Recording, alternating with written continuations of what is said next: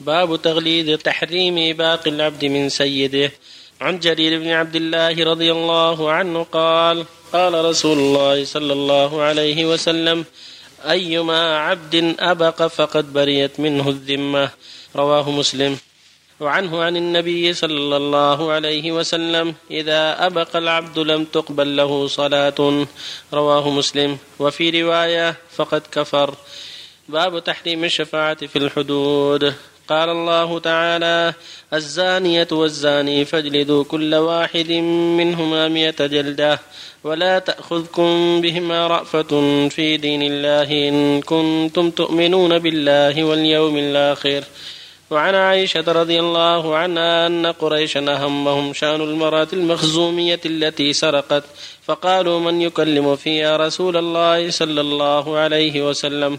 فقالوا ومن يجترئ عليه إلا أسامة بن زيد حب رسول الله صلى الله عليه وسلم فكلمه أسامة فقال فقال رسول الله صلى الله عليه وسلم أتشفع في حد من حدود الله تعالى؟ ثم قام فاختطب ثم قال إنما أهلك الذين قبلكم أنهم كانوا إذا سرق فيهم الشريف تركوه. وإذا سرق فيهم الضعيف وأقاموا عليه الحد. وإيم الله لو أن فاطمة بنت محمد سرقت لقطعت يدها. متفق عليه. وفي رواية فتلون وجه رسول الله صلى الله عليه وسلم فقال أتشفع في حد من حدود الله؟ قال أسامة استغفر لي يا رسول الله. قال ثم أمر بتلك المرة فقطعت يدها. وبالله التوفيق. بسم الله الرحمن الرحيم. الحمد لله. وصلى الله وسلم على رسول الله وعلى آله وأصحابه ومن اهتدى بهدى أما بعد فالحديثان السابقان يدلان على تحريم إباق العبد من سيده والإباق هو الشرود والذهاب من سيطرته ويده. وذلك لا يجوز بل يجب عليه يخضع للواقع وأن يستقيم على الحق وأن يؤدي الأمانة وعلى سيده يتقي الله فيه والا يكلفه ما يغلبه. كما قال صلى الله عليه وسلم للمملوك طعامه وكسوته ولا يكلف من العمل إلا ما يطيق. فإن كلفتموهم فأعينوهم. والمقصود أنه لا يجوز له الإباقة وهو الشرود والنهاش عن سيده حتى يغيب عنه حتى يضيع ملكه. لا يجوز. ولهذا قال صلى الله عليه وسلم وايما عبد أبقى فقد بدات من الذمه في لفظ لم تقبل له صلاة في اللفظ الآخر فقد كفر وهذا وعيد شديد. يوجب الحذر من هذه الجريمة العظيمة. وأن الواجب عليه يخضع للواقع وأن يسأل ربه الفرج والتيسير وأن يختم من منه تحت يده الخدمة الشرعية وعلى السيد يتقي الله فيه وأن لا يكلفه ما لا يطيق. وفي الحديث الثالث في الآية الكريمة تحذير من الشفاعة في الحدود حد الزنا وحد السرقة وحد القذف أو غير ذلك يجب أن تقام الحدود. يقول الله جل وعلا الزنة والزاني فاجلدوا كل واحد مئة جلدة ولا تأخذكم بهما رأفة في دين الله والشفاعة فيهم نوع من أخذ الرأفة نوع من العطف عليهم. والواجب إقامة الحدود عدم الشفاعة في ذلك أو رحمة المحدود بترك الحد. بل إقامة الحد فيه مصلحة له وللمسلمين. ردع له عما وقع تكفير لسيئاته وردع لغيره من المجرمين. لئلا يقعوا فيما حرم الله.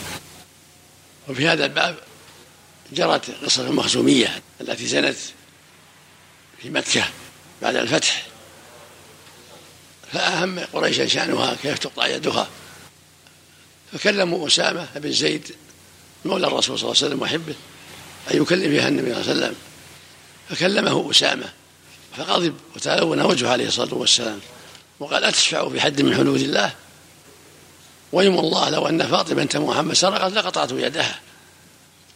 إنما أهلك من كان قبلكم أنهم كانوا إذا سرق فيهم الشريف تركوه وإذا سرق فيهم الضعيف قاموا عليه الحد. هكذا كان من قبلنا ممن خالف أمر الله من اليهود وغيرهم لما غيروا غير الله عليهم. فالواجب على هذه الأمة أن تحذر مشابهة من خالف الرسل وأن تقيم الحدود وتؤدي ما أوجب الله وتحذر ما حرم الله على الوجه الذي شرعه الله وأن تتواصى في ذلك وأن تناصح في ذلك. وفي هذا بيان خلقه عليه الصلاة والسلام عند عند انتهاك الحدود والمحارم يغضب عليه الصلاة والسلام ويتلون وجهه. ولهذا غضب وقال أتشفع بحد من حدود الله.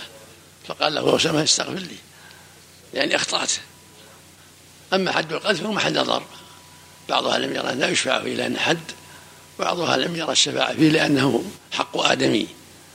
له أن يتنازل عنه ويعفو. لأن قذف يعني قذف إنسان لآخر أنه زنى أو أنه فعل كذا هو حد حق آدمي. والأحوط عدم الشفاعة فيه لأن حد من الحدود. وفق الله الجميع نعم. أحسن الله إليكم شيخ. إذا انتشر الخبر في في منكر معين يقام عليه الحد. لا لا بد من بينه لا بد من بينه نعم. لا بد من بينه شاهدين عادلين في جميع الحدود إلا الزنا. لا بد من أربعة شهود. أقصد مع البينة ومع الشهود. هل, هل يجوز يعني يتغاضوا عنهم يلزمهم أن لا يجب يجب إقامة الحد. إذا ثبت وجب إقامته. ولو لم يبلغ القاضي يا شيخ. يرفع إلى القاضي ولو لم يرفع. لا بد يرفع لما رفع معلش إذا كان هذا إذا رفع.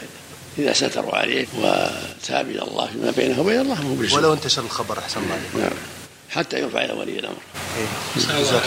الشيخ الشاهد من الآية.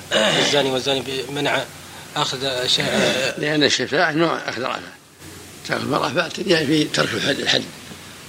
يشفع فيه أو ما يقيم الحد شيء ضعيف ما هو حد شرعي أو يغبي على الناس يوزيه يحول دونه دون إقامة الحد. هذا نوع رفع. موطن الدليل الشاهد في الآية. ولا تأخذ مرافع ولا تأخذ. نعم. الشيخ الشافع أخذت مرافع نعم. يا شيخ حسن الله عليك. الرضاع والحجام يفتخت عن بعض الحجام يفتخت عن الرضاع الحجامة مثل فيه حرمة ها؟ راضعة حرمة رتشيب وراضعته ونشتنا من الرضاع وقال ما في شيء بس. سنة فاتتني وهي حجام ما قلت لابد خمس رضعات لابد خمس رضعات. سواء حجام ولا رضع خمس رضعات كل رضعات فيها يشرب اللبن يذهب إلى بطنه اللبن. إيه. خمس في الحولين بس حجام كل واحدة لحالها خمس. قبل أن يفطر يعني الحجام ولا الرضع سوا. ما نعرف الحجام. المقصود لابد أول ما يذوق لابد يطاح من أمه. لا لا مو بلزوم ولا في السنة الأخيرة ولا في السنة الثانية. لا ما رضعت يا شيخ.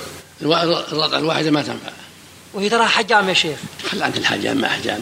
المقصود في الحولين وبس الله يحسن لك سواء في السنة الأولى ولا في السنة الثانية. جزاك الله خير. شو يا شيخ حسن عليك. فيه عندي الوالدة. تحج آه تعيد لوالداها بريره ضحي لهم ما في باس تحط نفسها معهم أي ولا دخل العشر هي تمشط راسها تحط نفسها معهم تقول عن فلان هو والديها تحط نفسها معهم بس هي تمشط راسها لا تاخذ لا تاخذ شعر راسي. ها؟ لا حتى الضحي إذا دخل الشهر ما تمشط حتى إذا دخل الشهر لا تاخذ شعر بس ولا مش ما يخالف. لكن ما تكد ما تاخذ شعر ما تقص شعر. شعر يعني. جزاك الله خير. أحسن الله عملك يا شيخ. بالنسبة للصلاة على جنازة مثلا لو كانت خمس جنائز يكون خمس قراط. مثلا لو ذهب إلى المقبرة يعني أحسن الله إليك يكتب له عدد اللي صلى عليهم أحسن الله إليك يكتب له إن شاء الله كله في بالاتباع كله. بعدد الجنائز بعددهم. ما شاء الله. مو شرط إنه مثلا يحثوا على كل فضل الله واسع. أبو فضل الله واسع. أحسن الله. عملك